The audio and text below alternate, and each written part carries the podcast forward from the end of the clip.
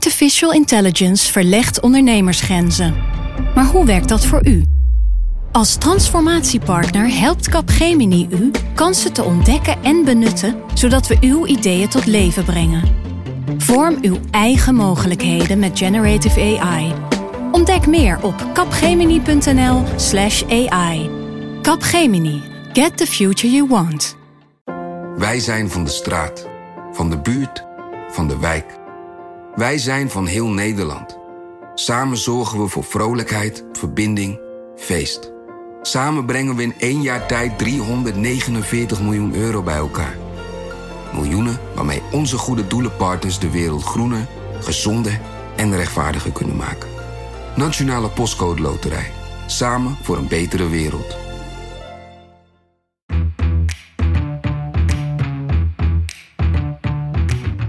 Dit is Haagse Zaken. Mijn naam is Lemja Aharwai. En voordat we gaan beginnen aan een uitzending over D66, wil ik je eerst even iets vragen. Want we zijn heel benieuwd naar jou en naar je mening over Haagse Zaken. Heb je komende dagen ergens vijf minuten de tijd? Vul dan alsjeblieft even onze enquête over de NRC-podcast in. En dat kan op heel makkelijk nrc.nl slash podcastonderzoek. Word er heel blij van. Dankjewel. Dit uh, uitvoerige gesprek met deze heren was voor mij uiterst onthullend. Een katalysator in een bewustwordingsproces. Ik kreeg het idee dat er gevaarlijke dingen aan het gebeuren waren. De enorme radicalisering in die tijd. Zowel naar links als naar rechts. Het succes van de Boerenpartij.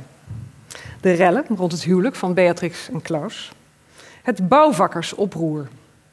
Dit alles voltrok zich niet op grond van inhoudelijke argumenten, maar het was een uiting van ongenoegen. Dit is Kajsa Ollongren. Die ken je nu misschien als minister van Binnenlandse Zaken. Maar dat was ze nog niet toen ze dit oplas uh, in een toneelstuk over het ontstaan van D66. Daar speelde ze Hans van Mierlo. Een toneelstuk dat NRC-redacteur Mark Kranenburg schreef. Ter gelegenheid van het uh, 50-jarig bestaan van de partij. En het werd opgevoerd door partijprominente zelf. Jongens, dit is exclusief materiaal dat jullie hier hoorden bij Haagse Zaken en nog een paar keer gaan horen. Aan de vooravond van het 108ste partijcongres is het een goed moment om deze partij, toch bijna gehalveerd in de peilingen, na een jaar regeren, om die eens onder de loep te nemen. Bij mij aan tafel, ik zei het al, schrijver van dit toneelstuk, Mark Kranenburg. Ja. Hoe, hoe heb je ze eigenlijk zo ver gekregen om allemaal bij elkaar te komen? Was dat moeilijk? Nee, eigenlijk niet. Ik vond het, uh, vond het allemaal heel, heel, heel leuk om te doen. Het was opgevoerd in uh, Theater Vascati in Amsterdam. Dat is ook historische grond voor D66 eigenlijk. Want uh, tijdens de oprichting hebben ze daar ook een paar keer vergaderd. En nee, ze waren allemaal heel enthousiast om te spelen wat hun... nou, niet hun voorouders, maar toch wel... Ideologische voorouders. ja, ja, ja. ja. Dus het, en het, nou, het, was, het was een zeer succesvolle avond. Want vertel even, jij hebt, letter, je hebt echt... de teksten waren niet verzonnen of zo. Of dit waren echt de teksten die uitgesproken zijn door die Ja, dat was... voorouders. ehm, het, precies. Het was gebaseerd op enkele nog notulen die nog over waren. Want D66 heeft een wat uh, chaotisch archief, moet ik zeggen. Uh, een paar keer verhuisd. Dus, maar uh, met een paar oude partijprominenten nog wat dingen bijeengesprokkeld. Dus we konden enigszins reconstrueren. Wat er in kranten had gestaan, krantenverslagen. in boeken later is geschreven. en, het zijn dus wel authentieke teksten. Ja. ja. En wat voor ons ook in dat toneelstuk hebben gedaan, is hun, hun oprichtingscongres nagespeeld. En, en het publiek wat kwam kijken, dat vormde eigenlijk het congres. En uh, dus uh, dat was participerend publiek, ja, ja. maar daar hadden we wel een aantal D66'ers tussen gezet. En dat waren de, de woordvoerders. En dat waren alle oud-fractieleiders van D66. Dus het had een hoog D66 gehad. Wauw, en iedereen deed mee. Iedereen deed mee, ja. ja. ja. En um, ja, jij volgt die partij ook al echt een hele tijd, hè? Jaren tachtig? Ja, ja, toen ik hier voor het eerst uh, rondliep, toen heb ik, ja, heb ik ook D66 wel gevolgd. Dat, dat, uh... dat was nog echt de tijd van Van Mierlo en... Uh... Ja, nou niet de eerste tijd van Van Mierlo. Nee, dat, dat, was zelfs voor mijn tijd. Dat was Van Mierlo in de herhaling eigenlijk. En Van Mierlo is toen een keer teruggekomen. Ja. En de, de, ja, die periode heb ik wel intensief gevolgd. Gaan we het straks nog even uitgebreid over hebben. Petra de Koning, Jij zit ook aan tafel. En uh, jij begon D66 te volgen uh, op een, uh, toen ze op een diep dal zaten, namelijk nul nul zetels in de peilingen. Ja, dat was in 2006. Ja. Ja, en Pechtold voerde campagne tegen de klippen op. Want hij stond er echt heel slecht voor. Uiteindelijk kwam hij met drie zetels in de Tweede Kamer. Het moet, een, moet een echt een fantastische tijd zijn geweest om de partij toen te volgen. Ja, ja het was heel leuk om, om te zien weet je, hoe, hoe ze dat probeerden. Weet je. Bij, waar ze, dit was de partij in totale verwarring toen. Echt. Ze hadden meegeregeerd, er was niks van ze overgebleven. En uh, Pechtold was de nieuwe politieke leider geworden. En die moest het weer gaan maken. Gaan we het straks ook heel uitgebreid Zeker. over hebben. En uh, we gaan het natuurlijk ook hebben over hoe het nu met D66 gaat. En daarvoor is het goed om te weten dat ik sinds kort zelf op de politieke redactie van NRC werk. En ik volg D66, dus ik ga jullie er meer over vertellen ook. Het gaat op dit moment niet per se heel goed met de partij na één jaar uh, Rutte 3. Ja, ja, Pechtold heeft eigenlijk in zijn tijd, vanaf die nul in de peilingen, heeft hij de ene naar de andere verkiezing uh, gewonnen. Um, nou ja, goed, bij de gemeenteraadsverkiezingen begin dit jaar ging het opeens minder goed. Uh, en toen zei hij dat zilver ook goed was in plaats van goud. Hm?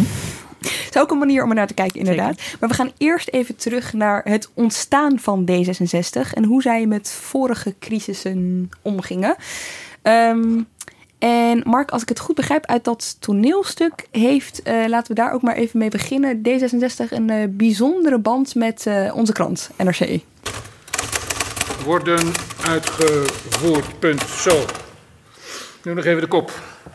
Politie moest weer ingrijpen in Amsterdam. Mm. Wat is er, Van Mierlo? Ja, die kop. Maar wat is daarmee? Is dit niet groot genoeg? Nee, wat er staat. Politie moest weer ingrijpen. Ja, wat is daar dan mis mee? Het lijkt me de zaak aardig samenvatten. Politie moest ingrijpen, dat is niet eens een impliciete, maar een expliciete keuze voor het gezag. Willen we dat als krant? Ons zo vereenzelvigen met dat gezag?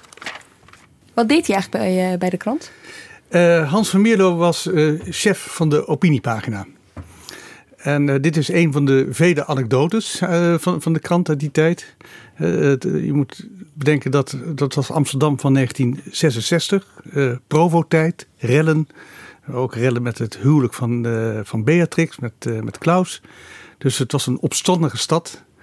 En nou ja, daar, daar deed dan het Algemeen Handelsblad, een van de fusiekranten waar het NRC Handelsblad is ontstaan, deed daar verslag van. En ja, dan had je natuurlijk ook een strijd tussen de, de oude generatie op de krant en de, jonge generatie. En uh, was dus de jonge generatie. En dan, krijg je dat discussie over dit soort woorden. Ja, moest hij ingrijpen? Nee, dat is een, maak een keuze. Het hoort greep in. Dat, eh, nou goed, dus het, en um, nou ja, Van was samen met een, een, een andere, of de, de, de medeoprichter uh, Hans Ruiters. Die werkte ook op die redactie. Jan Sampimon, ook uh, redacteur van uh, Algemeen Handelsblad. Ze zaten allemaal in de begingroep die deze 60 zijn begonnen. Het betekent ook een beetje eh, het geëngageerde journalistieke klimaat in Amsterdam. Het was overigens niet alleen het Algemeen Handelsblad, maar ook het Parool. Er ja. ook een paar mensen van het Parool. Jan Bijshuizen, Bob Stijmets. Uh, die, die waren van de Paroolkant. Ook allemaal bij de oprichters van D66. En ja, mensen die waren een beetje aangeraakt door de jongeren die daar in de stad mm -hmm. paradeerden en die dat een politieke vertaling wilden geven. En uh, nou ja, dat heeft Vermeer natuurlijk als, als eerste gedaan ook. Ja, ja. Wordt nog uh, steeds wel eens de band gelegd tussen D66 en NRC. Hè? Nou ja, dat is niet zo gek. Kijk, het, het verschijnsel ideologische kranten is natuurlijk sowieso veel minder geworden deze tijd van ontzuiling. Maar ja, uh, NRC heeft nog steeds in zijn wapentje, in het logo van de krant, daar staat Lux et Libertas. licht en vrijheid. We zijn, noemen onszelf een liberale krant. Nou, in liberaal, daar kan je een, heel, heleboel onderschuiven.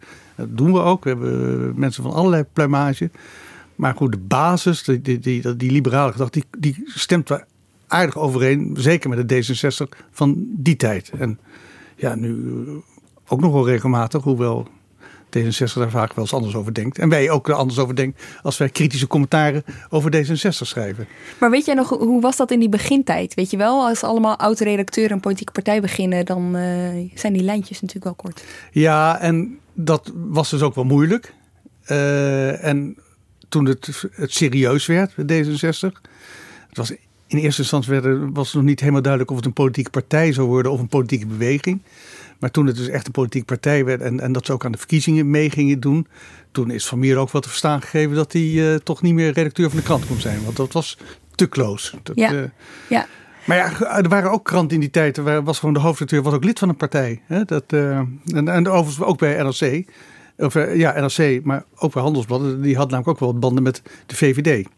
Dus uh, ja, dat zat allemaal in die liberale vijver. Ja, ja. kunnen we ons nu geen voorstelling meer van maken hè? dat je als hoofdredacteur zegt: Ik ben lid van deze partij?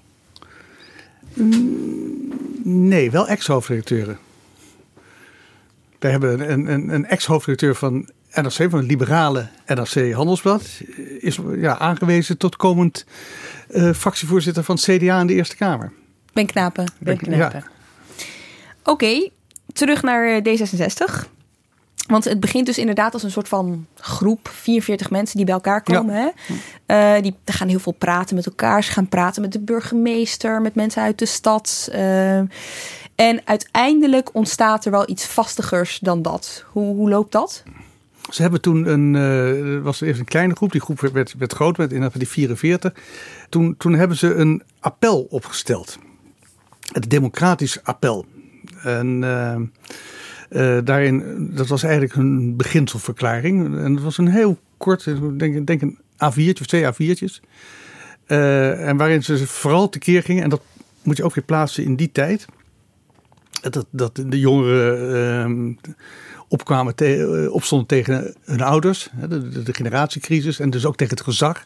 En ook tegen het bestuurlijk gezag. En dat was de, de, de wat D66 wilde, dat was heel erg aanschoppen tegen dat uh, vermolmde politieke stelsel. Die kasten van partijen in Den Haag, waar je wel, dat zeiden ze altijd, waar je wel mag stemmen, uh, maar niet mag kiezen. Mm -hmm. He, want uh, dat was toen ook ja, een formatie. Dan, dan, stem je op een partij en dan gaan, gaan een kabinetsformatie achter gesloten deuren. En we weten niet wat er gebeurt. Nou, dat is echt precies zoals nu ook hè, het geval is.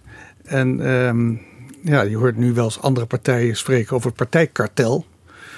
Nou, daar had D66 ook de nodige kritiek op toen.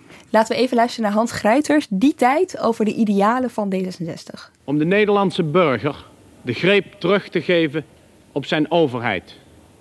Daarvoor is nodig een hervorming van het staatsbestel. Daarvoor is nodig een hervorming van het partijwezen. Maar daarvoor is ook nodig een mentaliteitsverandering bij die overheid. Een overheid die zich niet langer als gezag maar die zichzelf ziet als dienaar. Was dit uh, in die tijd ook echt uh, chockerend dat dit geroepen werd? Nou ja, want het. Uh, het was de tijd van de provo's, maar dat het zo ja, dat het politiek nee, werd gemaakt. maar dit, dit, er werd echt aan het politieke systeem werd er, werd er geknaagd. En nou, het is wel grappig dat je nu Hans Guiters laat horen. Uh, hij, hij, leeft al lang niet meer, maar hij is uiteindelijk, hij is minister geweest voor D66, maar hij is ook uh, commissaris uh, van de toen nog koningin in Flevoland uh, geweest. En ontpopt dus daar als een van de grootste regenten.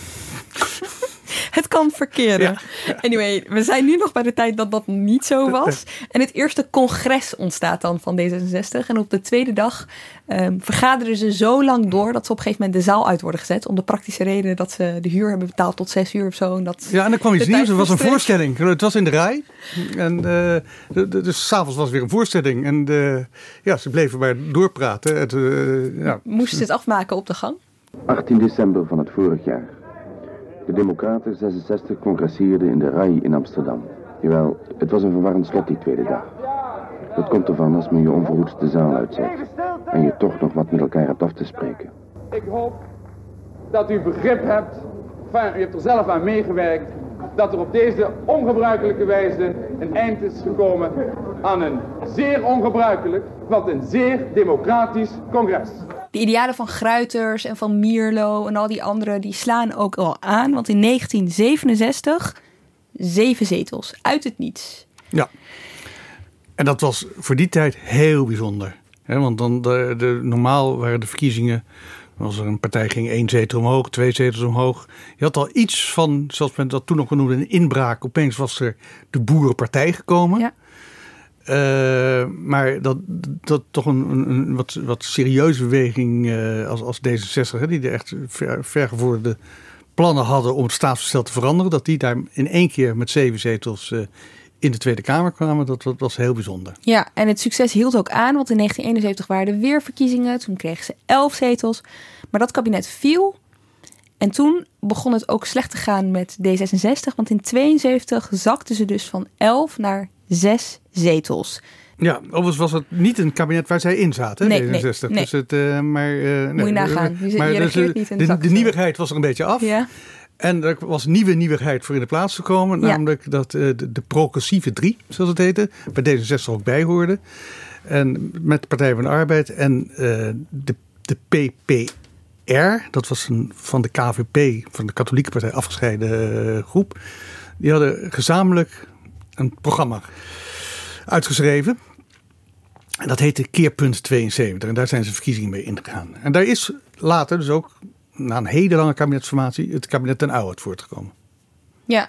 Wat ik wel gek vond uit die daling van D66. Hè, dit was wel de tijd waarin je ineens eh, als 18-jarige van 18 tot 21 ook mocht gaan stemmen. Je zou, je zou denken dat zij hè, met hun idealen juist jongeren aan zouden trekken. Maar dat heeft ze dus blijkbaar niet geholpen. Nee, dat was wel een, een echt een punt van D66 Ja. ook. Hè, om die, die kiesgerechte leeftijd van 21 naar 18 te doen. Maar dat ze er direct zelf ook extra van geprofiteerd hebben, nee. De jongeren luisteren goed naar hun ouders, denk ik, in die tijd. Toch wel, Ja. ondanks alles. ja. En dan in 1973 regeren ze mee voor het allereerst. En eh, dat is dan in het kabinet van Den L. Ja. En toen, eh, een van de ministers daar was eh, Hans Ruiters. Die was minister van Volkshuisvesting. Eh, dus ze waren dus niet zo groot, ze hadden niet zoveel ministers. En ze hadden staatssecretaris, ook wel interessant om te noemen. Staatssecretaris voor Europese Zaken, die zien we later ook terugkomen. Dat is eh Lange-Jan Brinkhorst. Ja, die zien we later inderdaad eh, nog eens terugkomen. Maar Hans van Mierlo treedt op een gegeven moment ook af. in 73. Wat, Ja. gebeurt, wat gebeurt er? Wat is de aanleiding dat een van de vaders van de partij besluit weg te gaan? Ja, nou ja, dat, dat zie je natuurlijk ook, ook nu eh, bij andere partijen eh, hier, eh, die, die ook nieuw zijn. En dan wil ik D66 niet vergelijken met 50 plus. Maar dus nieuwe partijen die, die, ja, die, die hebben nog weinig traditie. Eh, dus zijn weinig geworteld, ook intern. Dus die kunnen ook snel, snel ruzie krijgen of oneenigheid. En het, basisconflict daar bij, bij D66 was dat, dat, dat mensen zeiden: ja, we zitten wel de hele tijd te hameren op die staatkundige vernieuwing, maar er zijn er ook andere dingen. En een van de mensen die dat eh, echt naar voren bracht, was Jan Terlouw. Die zei: ja, eh, misschien is milieu eigenlijk wel veel belangrijker dan al die staatkundige vernieuwing. Dus dat, dat gaf spanning tussen hem en, en Van Mierlo. En toen heeft Van Mierlo besloten op een gegeven moment om weg te gaan. Terlouw trok dus aan het langste eind. Ja. Ja. Was dat, zorgde dat voor crisis binnen de partij? Want in 74, eh, begrijp ik, werd er eh, gestemd over opheffing van de partij. Ja, nou ja, dus, dus, dus crisis, dus wel. Dat, eh, ja, ze, ze waren alweer over het hoogtepunt heen, meer Ja. dan dat. En eh, de, de, de nieuwigheid was eraf. Het werd een echte partij. Het werd echt partij, ja. Ja, en, ja. eh, ja, en, en inderdaad, het is meer dan eens eh, is er gesproken over, opricht, Ja. over, over opheffing. Ja. Dat was ook een van de, de, de, de mensen van D66, die, die riep hier dan ook al door de gangen in de Tweede Kamer. Ja, D66 is, is eigenlijk een soort Lazarus, maar dan anders, want wij zijn al twee keer opgestaan.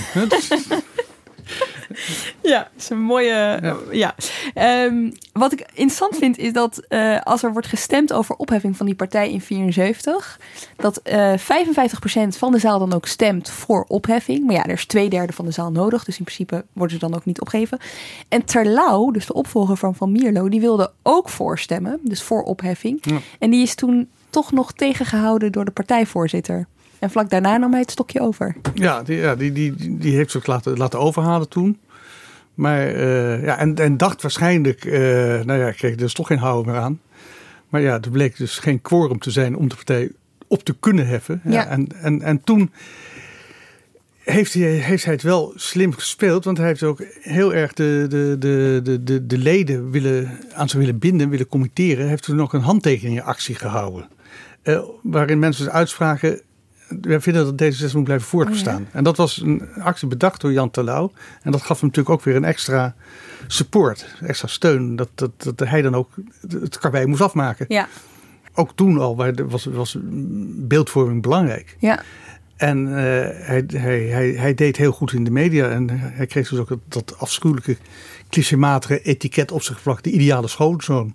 Oh ja? En maar dat, eh, ja, dat, eh, Maar dat kwam er wel goed uit in die tijd. ja, zeker. En kijk, nu kom, zien we Jan Terlouw ook zo nu dan. Nou, nu is de, de, de ideale grootvader. Hè? Ja, Maar, eh, het is, ja, eh, ja. klopt. Ja. Hij heeft dat imago wel vast kunnen houden, nu je het zegt. Nou, er zijn tussendoor natuurlijk wel het een en ander gebeurd. Maar daar kom je straks nog Daar komen we straks nog wel eventjes op. Het is niet altijd goed gegaan met Jan Terlouw. Ik wil nog heel eventjes naar eh, het verschil tussen Van Mierlo en Terlouw. En daarvoor gaan we eerst eventjes nog luisteren naar dat ene bekende spotje van Van Mierlo. We waren ongerust. Over de politieke situatie in ons land. Over de verwarring en de ondoorzichtigheid. Over de tanende invloed van de kiezers. Over de ontoereikendheid van de verouderde politieke spelregels. Over de onbewegelijkheid en de verstarring van het partijenstelsel. Over altijd maar weer hetzelfde gezuur en hetzelfde geharrewar in regering en Tweede Kamer. We wilden er zo graag wat aan doen. Ja, D66 hebben we opgericht. Democraten 66. Ja, als ik dit zo eh, terughoor in deze tijd, hè, dan zou ik eigenlijk bijna zeggen: dit, is, dit zouden we nu heel populistisch noemen. Ja, nee, het was toen heel revolutionair. Je had een eh, uitzendingen van politieke partijen. Hè, die, kre- die kregen zendtijd, altijd ja. de zendtijd. En dat was meestal de partijleider die achter een eh, soort schoolbankje zat met een, eh, een, een vaasje bloemen. En dit was dus een, ja, wat ze nu zou zeggen, een gelikte spot. Ja, hij liep over straat, hij liep over omhoog. Ja, hij had dus een, een, een, een beetje oude regenjas. En misschien wel leuk om te vertellen, die regenjas die komt ook voor in dat toneelstuk. En aan het slot trekt eh, Kajsa Olengren, die van Milo speelde, die trekt die regenjas aan en loopt weg van het podium. Dus hij dat, bestaat gewoon nog, die regenjas. eh, Nou, uit het D66 museum. hè. Ja, ja, ja, natuurlijk. Ja, Ja, ja. Maar dat, is- dat is inderdaad, is gewoon nu door 50 jaar later hebben we nog steeds over ja, het spotje met de regenjas van Milo. Dat, Ja.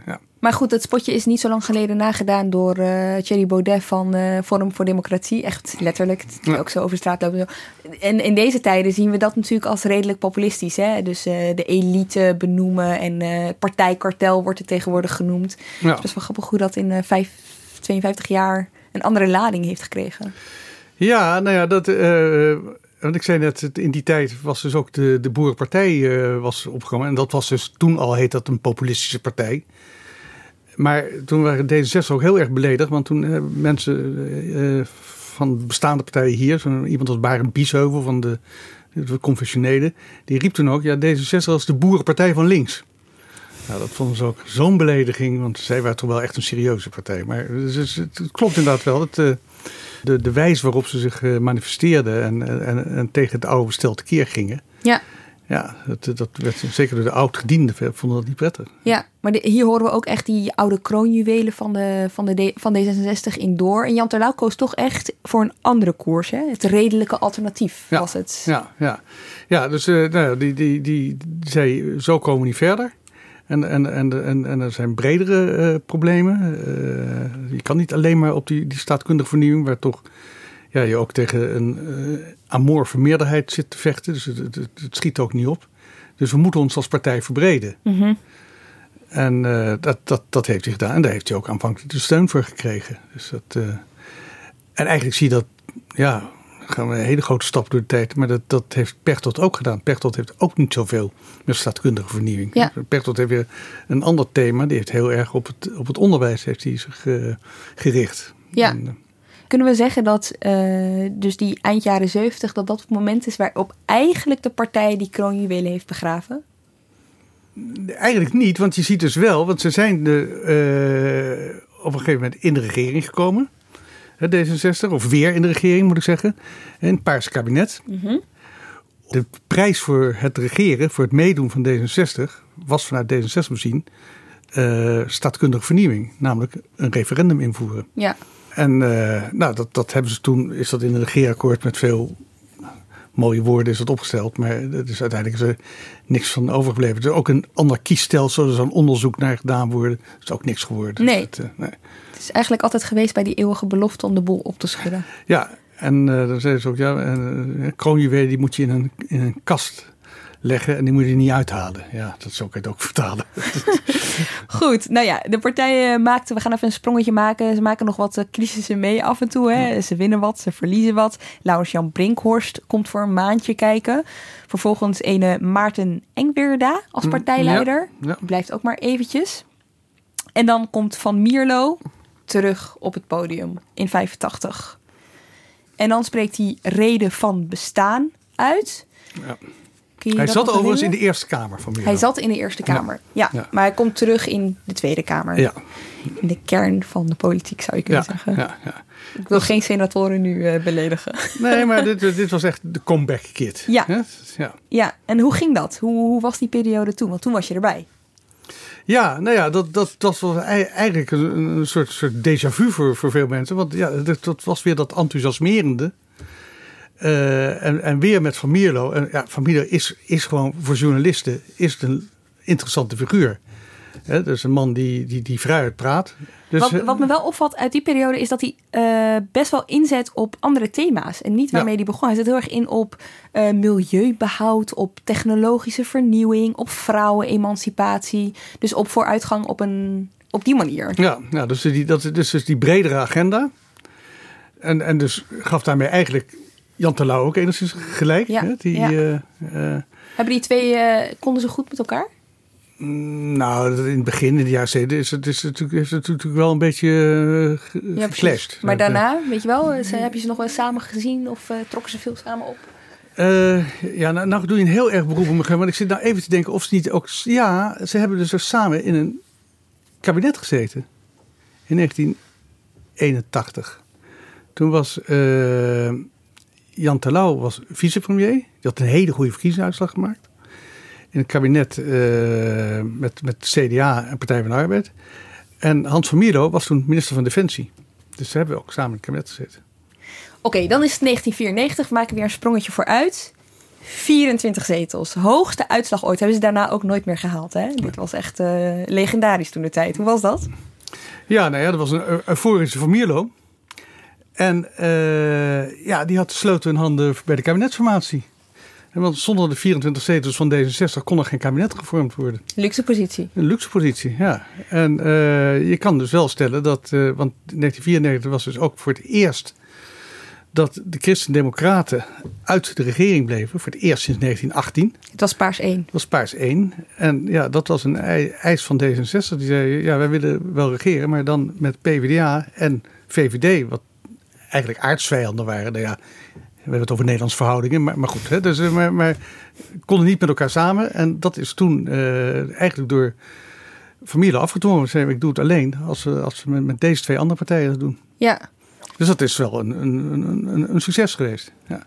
Toen wel, maar tijdens de verkiezingen daarna, vier jaar later, toen uh, zijn ze behoorlijk uh, geslonken van 24 naar 14. Ja. Nou ja, regeren is halveren. Van wie is die uh, gevleugeld uit? Nou, dat, dat is van D66. dus, het is, of, of ze zeggen regeren is halveren of regeren is creperen. Ja, ja nou ja, in dit maar geval. Leiden is het. in dit geval God allebei, inderdaad. Ja. Pars 2, als Borst, als partijleider, de eerste vrouw in dit hele verhaal als partijleider. Um, ja, Paars 2 wordt toch wel gekenmerkt door één nacht, toch? Waar we het even over moeten hebben. Dat was de nacht van Wiegel. Ik zal vanuit mijn kamer gewoon op de televisie volgen en kijken hoe het afloopt. Ja, ik denk dat degenen binnen de VVD-fractie in de Eerste Kamer... die toch tegen zouden willen stemmen... een hele zware verantwoordelijkheid op zich laden. En dan gaat het niet alleen over dat belangrijke referendum... maar natuurlijk ook over de toekomst van de coalitie. Het uh, redelijk gerust. Zijn er nog dissidenten? Wiegel, ik ben de Barend van Dorp. Ze vragen of u in de camera zou willen kijken. Maar um, hoort u nou nog bij degenen die tegen zijn in de VVD-fractie? Ik kan natuurlijk niet op die uiteindelijke standpuntbepaling vooruitlopen. Dat zou niet passend zijn. Dan ga ik over tot hoofdelijke stemming. Wiegel. Een van de VVD-senatoren, te weten Wiegel, ja, dat is, dat is enorm. De nacht van Wiegel. Het is ongelooflijk. Het is uh, vandaag duidelijk geworden dat in ieder geval één prominent lid in de VVD in de Eerste Kamer die afspraken niet wenst na te komen. Naar mijn oordeel moet dat consequenties hebben. Nou ja, en consequenties zijn er, want het kabinet valt dan. Die hoorde nu Ton de Graaf en uh, die liet het kabinet uh, vallen. Maar ze hadden wel best wel wat voor elkaar gebokst toen er tijd. Hè? Verruiming van de winkeltijden, het homohuwelijken als ja. eerste land in de hele wereld. Uh, euthanasie en abort abortus werden echt onderwerpen. Maar geen bestuurlijke vernieuwing, geen democratisering. Dat, stond, dat, was gewoon, dat zat niet in dat lijstje. Nee, en even voor de, voor de historie. Dat kabinet is ook maar heel kort gevallen. Het is weer, zoals dat dan heet, gelijmd. Dus ze hebben ze even uh, hebben ze het ontslag aangeboden. Maar dan wordt er direct, komen de informateurs. Dus het was na twee weken zaten ze weer bij elkaar. Ja. Dus het is niet echt een kabinetscrisis dat er daarna ook ja, nieuwe verkiezingen ja, vallen. Dat kon nog in die tijden. Dat hè? kon nog, Toen ja, vergaf ja, men elkaar nog. Ja, uh... Oké, okay, en dan gaan we naar. Uh, we springen gewoon naar de volgende crisis. 2003. Uh, dat was vlak voordat jij begon, Petra. En uh, het gaat toch wel weer over kroonjuwelen. Uh, en Tom de Graaf is er ook weer bij uh, betrokken. En er is weer een nacht. Dit keer is het de nacht van Fontijn. Ik wil met u van weddenschap afgaan dat we volgend jaar in Nederland burgemeesters kiezen. Nou, het is al lang bekend dat een grote meerderheid van de bevolking zegt... geef ons maar de gelegenheid om zelf onze burgemeester te kiezen... in plaats van dat ergens in Den Haag mensen dat voor ons doen. Ik heb zeer sterk de indruk dat de Partij van de Arbeid... vanaf dat men ochtends uh, de Eerste Kamer betrad, wist wat men ging doen. We zijn er nog niet uit. Ik hoop dus dat uw Kamer uh, met voldoende meerderheid dit wetsontwerp wil aanvaarden. Wij stemmen dus tegen. Maar betekent dat dat u zich moet beraden op uw positie morgen? Per definitie uh, ga ik eerst eens een goede nacht slapen. Ik wil niet 's ochtends in de spiegel kijken en denken bij mezelf... ik ben minister van... en koninkrijksrelaties. Nou, dat wilde hij inderdaad niet, want uh, hij stapte op, hè? Ja, ja, ja. Dat, uh, ik heb het overigens van afstand bekeken, want ik was toen voor de krant uh, correspondent in Brussel. Mm -hmm. Maar ja, daar kan je het ook allemaal live volgen. Dat heb ik toen wel gedaan ook. Ja, die, uh, want het was wel een interessante crisis die zich daar afspeelde. Ja. ja. Hij ging weg. Tenminste, hij ging weg als minister van Bestuurlijke Vernieuwing. En hij werd vervangen, Petra, door... Alexander Pechtold. Ja, dat was zijn begin, hè? Tenminste, voor het grote publiek. Ja, ja, ja. en hij viel al vrij snel op, hè Mark? Want ja. toen gaf hij een interview in het uh, uh, blad Opzij. En toen noemde hij de politiek vuil en vunzig, de Haagse politiek. Dat hij vond hij helemaal gezien. niks. Nee, nee, vond hij helemaal niks. Ja, nou, we gaan het straks nog even hebben over vuil en vunzige politiek. Uh, maar het is dan 2006. als er weer een crisis in de partij is, wat is er dan aan de hand, Petra? Um, D66 zit dan in het kabinet met het CDA en de VVD. En mm -hmm. ze willen uh, een missie opzetten naar Afghanistan. En in D66 ligt dat verdeeld en heel gevoelig. Er zijn sommige D66'ers echt totaal tegen, hè Mark? Ja. Zo was het. Ja. Um, en Boris Dietrich, die toen de partij leidde, die gaat dan dreigen met een kabinetscrisis. En dat, houdt hij niet, dat zet hij niet door. En hij zegt op een gegeven moment ook in het debat toen kwam het erop aan dat hij het had bedacht om te dreigen met de kabinetscrisis, omdat hij de PvdA mee wilde krijgen in de nee-stem. En dan wordt hij echt weggehoond in de Tweede Kamer. Hij wordt uitgelachen, iedereen ligt slap over de bankjes. Heel pijnlijk. Ja. ja. Dus de volgende dag dan, dan treedt hij af en dan zegt hij ook dat hij uh, uh, uh, politiek strategisch fout heeft gemaakt. Ja. En hij wordt dan opgevolgd door Lucies van, van der Laan. Precies, ja. Um, maar daarna komen er lijsttrekkerverkiezingen. Ja, want uh, Lucies van der Laan die is dan fractievoorzitter. Mm -hmm. Maar dan, als het, daarna het kabinet alsnog valt, dan uh, uh, stelt zij zich kandidaat als lijsttrekker en Pechtold ook. Ja, vertel even, want jij, was, jij werkte hier toen als politiek journalist. Het ging heel slecht met de partij, hè? nul zetels in de peilingen. Er werd alweer nagedacht over, ja, moeten we wel doorgaan? Zijn we het wel, hè? of moeten we ons gewoon... Ze waren ook bijna failliet. Ja, hè? Dus dat, dat is, uh, ja. Um, hoe gaat dat hier op het Binnenhof, Petra, dan, zo'n zo'n verkiezing? Nou, zij gingen, de, zij gingen de zaaltjes af, hè? Uh, uh, Pechtold en Van der Laan. Dus die gingen het land in om uh, in debat te gaan met elkaar. En het is natuurlijk, weet je, D66 staat bekend als een hele beschaafde, vriendelijke partij. Maar dat ging behoorlijk uh, hard, hard tegen hard was het. Persoonlijk? Ook persoonlijk, ja. ja. ja. En het ging ook weer over welke kant het dan op moest met de partij. Uh, Lucies van der Laan wilde de partij juist breder maken. En uh, weet je, die wilde allerlei groepen erbij halen. En uh, Pechtold wilde eigenlijk dat het gewoon um, de sociaal-liberale partij werd die het, die het altijd was geweest. Weet je, Mhm. hij kwam wel later ook met nieuwe thema's. Maar um, ja, Lucies van der Laan had een heel ander idee met die partij. En hij won. Hij won. Het verschil was iets van 250, 257 Niet stemmen. groot, hè? Ja, het verschil was niet groot. Ja, Nee. ja. En wat gebeurde er toen? Want ja, D66 bestaat natuurlijk nog. Dus eh, die, nul, die nul zetels, dat is eh, geen werkelijkheid eh, geworden. Het werden er drie. En daar werd echt naar gekeken als een soort van... eh naar Pechtold dan als een soort van held. Want hij had toch drie zetels in de Kamer voor de partij die eigenlijk verloren was. Ja. Ze waren al totaal afgeschreven. En, en ze kwamen, dankzij Pechtold, maakten ze weer een nieuwe start. Ja, maar je moet wel bedenken dat D66 telde in die tijd echt nauwelijks mee. Hè? Weet je, die partij, niemand had het nog over D66. Weet je, zelfs heetmail kwam er niet binnen hè, bij, eh, op het partijbureau. Het was echt vrij erg. Dus Pechtold moest wel iets doen om op te vallen. Ja. ja. Nee, maar dat is natuurlijk het lastige altijd van D66. Dat het is een een partij die eh, iedereen ja, vindt het wel een sympathieke partij, maar de noodzaak om erop te stemmen die is altijd veel minder. Dus ze noemen het ook wel eens de partij van de tweede keuze. Als je nou niet op je eerste keuze zou kunnen stemmen, op wie stem je dan?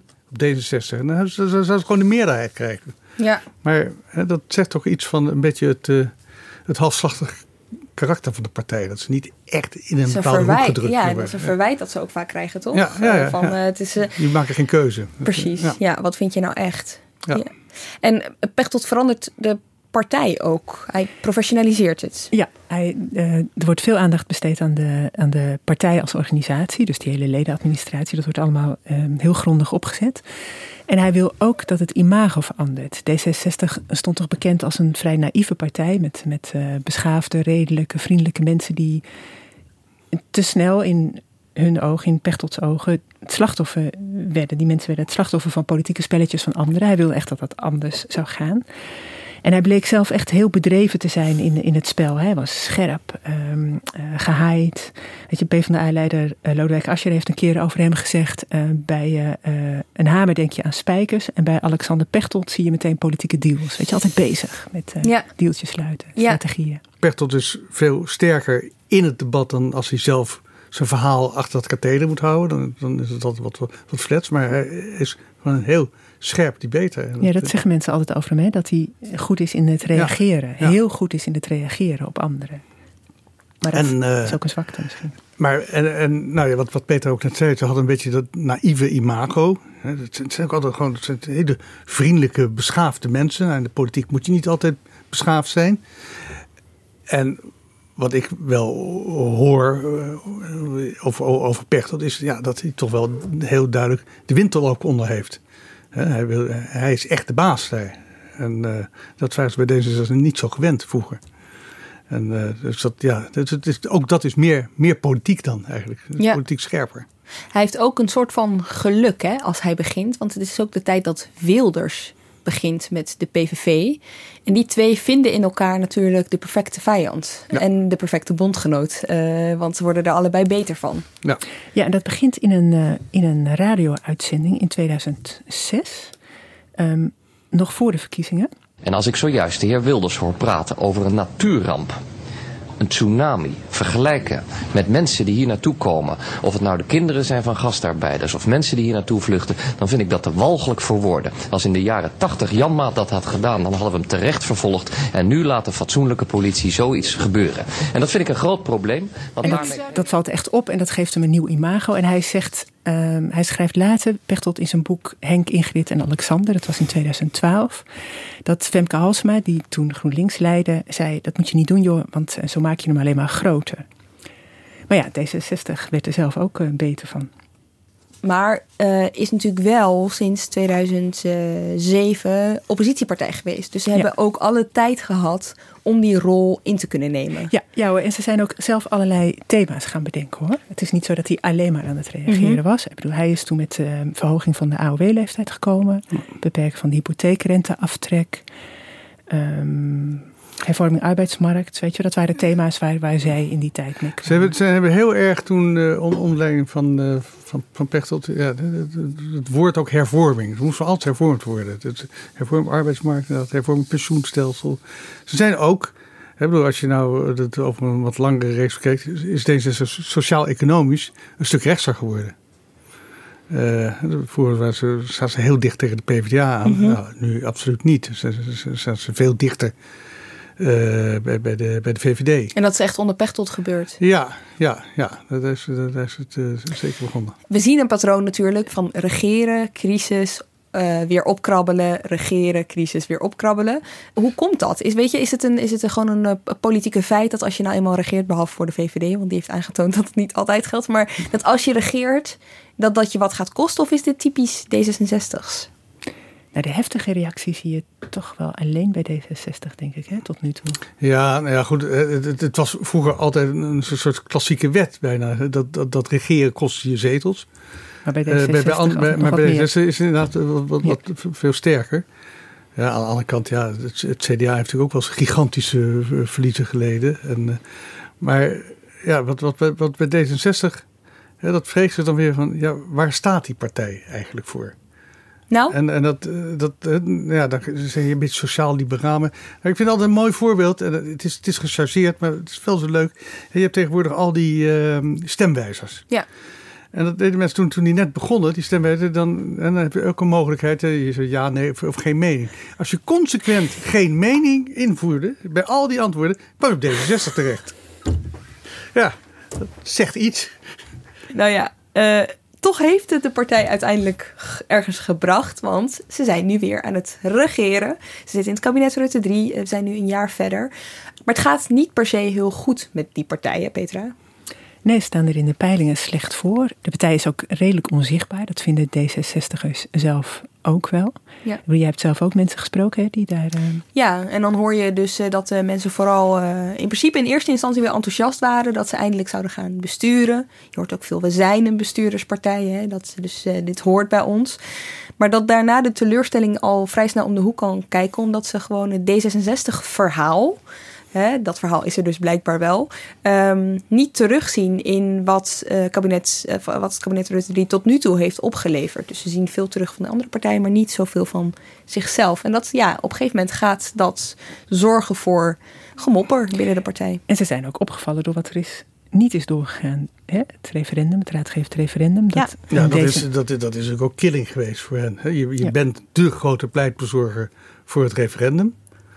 Dat, dat stond uh, nou, nog net niet in je, in je oprichtingspapieren, maar wel vrij kort daarna. He, er werd de partij altijd geassocieerd met het referendum. En ze gaan regeren. En het eerste wat ze doen is het referendum opheffen. Door een D66-minister. Door een D66-minister. En het nog ronduit. Uh, de minister, hè, die zit officieel volgens ons staatsrecht niet namens een partij. Mm -hmm. Maar ook volop gesteund door de partij. En, en ik kan me voorstellen dat je zegt. Uh, ja, goed, dit is onze prijs van het regeren. Dan moet je wat inleveren. Maar ze zijn het ook nog vervolgens gaan verdedigen.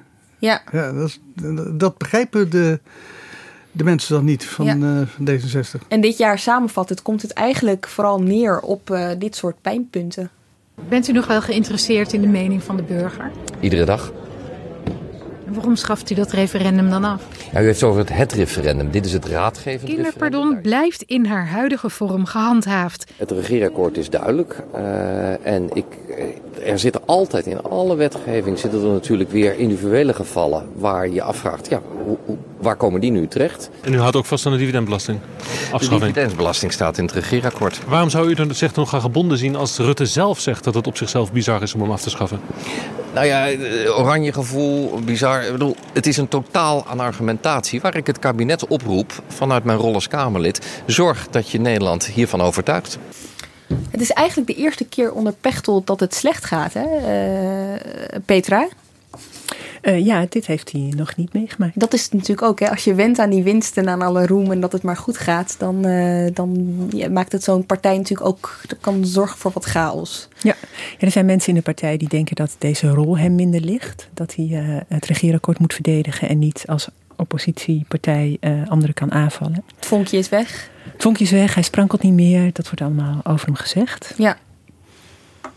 Natuurlijk ook allerlei uh, uh, privéproblemen die naar buiten zijn gekomen. D66-leider Pechtold houdt voet bij stuk. De schenking van een appartement aan hem, daar was niks mis mee. En hij vindt ook niet dat hij het had moeten melden. Nee, ik heb in januari daar een bewuste afweging over gemaakt en uh, daar sta ik nog steeds achter. Het is voor mij geen verbazing dat de heer Pechtold er niet in meegaat. Ik weet ook dat hij in Meppel en andere plaatsen meer te doen heeft dan alleen maar wetgevend uh, werk. Ik heb uh, lange tijd een relatie gehad met Alexander Pechtold. En de relatie is uh, op een voor mij erg pijnlijke wijze beëindigd. Dat hij daar kennelijk mee kan leven, dat is aan hem. Ik zou dat niet kunnen. Nou, dat is geheel aan haar. Maar ik herken me niet zozeer in de, in de geschetste beelden. Dus u ontkent dat u haar heeft gedwongen om een abortus te laten plegen? Ik ga niet in op, op dit soort zaken. En ik, eh, ik voel ook geen enkele behoefte om me te verantwoorden voor, voor dat beeld. Ja, het is interessant hoe D66 hiermee omgaan. Hè? Want uh, die houdbaarheidsdiscussie die wordt wel een beetje gevoerd op de wandelgangen uh, vooral. Um, maar iedereen die kritiek uit op uh, die wil daarvoor één zin herhalen. En dat is, ja, maar zonder hem had de partij, was de partij niet geweest. Of hij heeft heel veel betekend voor de partij. Dus, um, dus ze willen hem niet zomaar afserveren. Nee, natuurlijk. Dat, dat, is ook ingewikkeld. En bovendien, weet je, dit soort privé dingen, daar, daarvan vindt de partij ook D66 zelf dat het wel echt privé dingen zijn en moeten blijven. Maar er zijn ook wel zorgen over, weet je, hoe, hoe of dit zijn geloofwaardigheid aantast. Uh. Ja.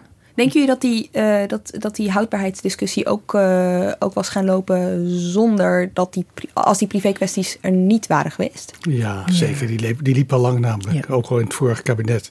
Ja, je, kan, je kan het gewoon uittellen. En uh, wat dat betreft is het ook niet uniek bij D66. Dat, dat geldt voor de VVD met Mark Rutte precies zo. En als je even gewoon de film terugdraait bij al die partijen die een leiderschapswisseling hebben gehad. Ja, het is heel vaak ellende. Hè? Want, want ja, de leider, hè? zeker in, in de wijze waarop nu hè, de, de, de, mediacratie. Hè? De mensen zijn dagelijks op televisie of op de radio of in de krant of op Twitter, weet ik wat. Daar. Dus het is zo vereenzelvigd met een partij, de leider.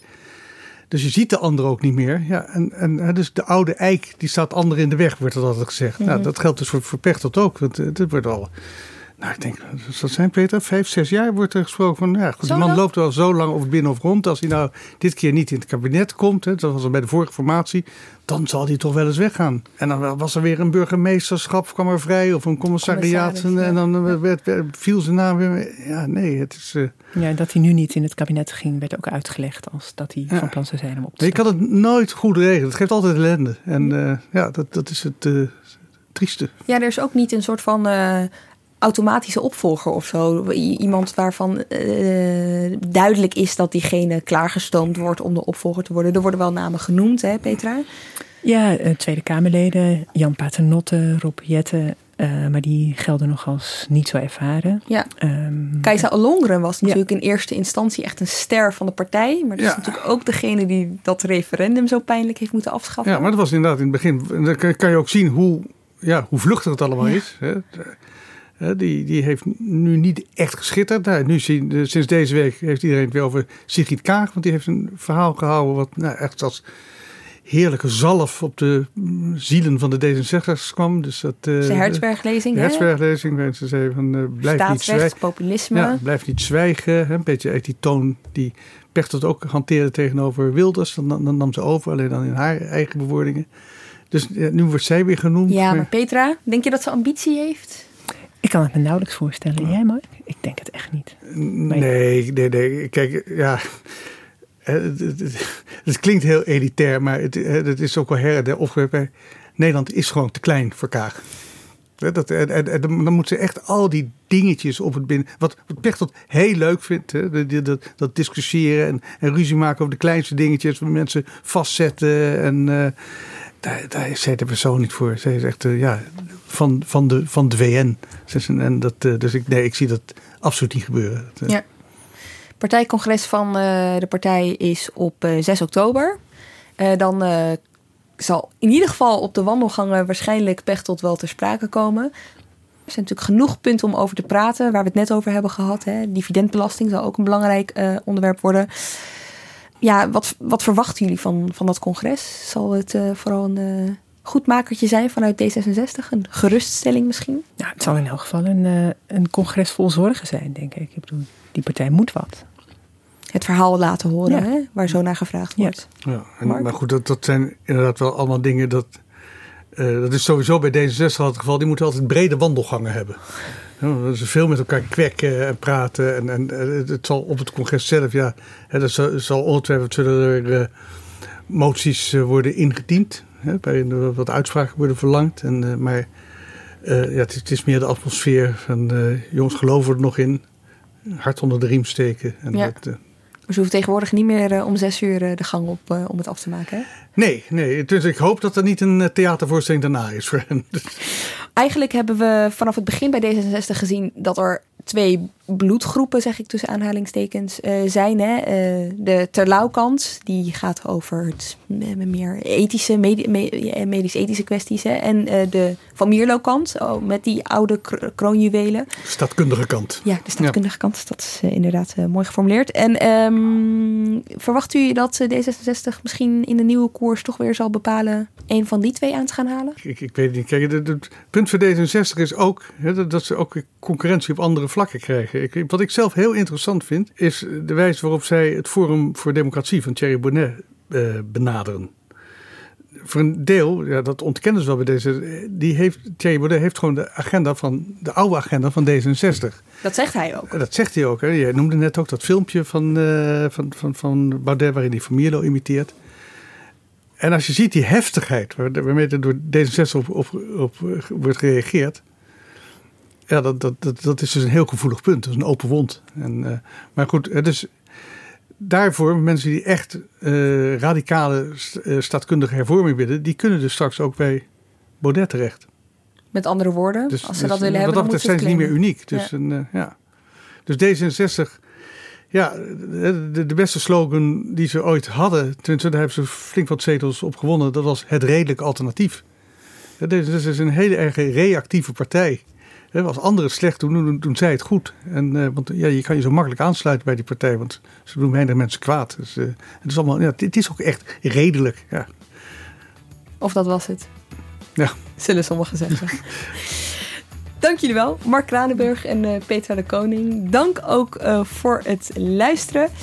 Zoals ik aan het begin ook eventjes zei, als je vijf minuutjes hebt, ga dan alsjeblieft naar nrc.nl slash podcastonderzoek en help ons verder.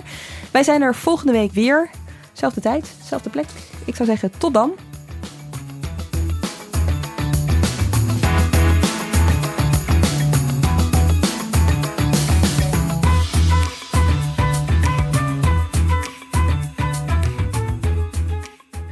Aardbewoners. Artis nodigt jullie allemaal uit voor het Aardbewonersfestival.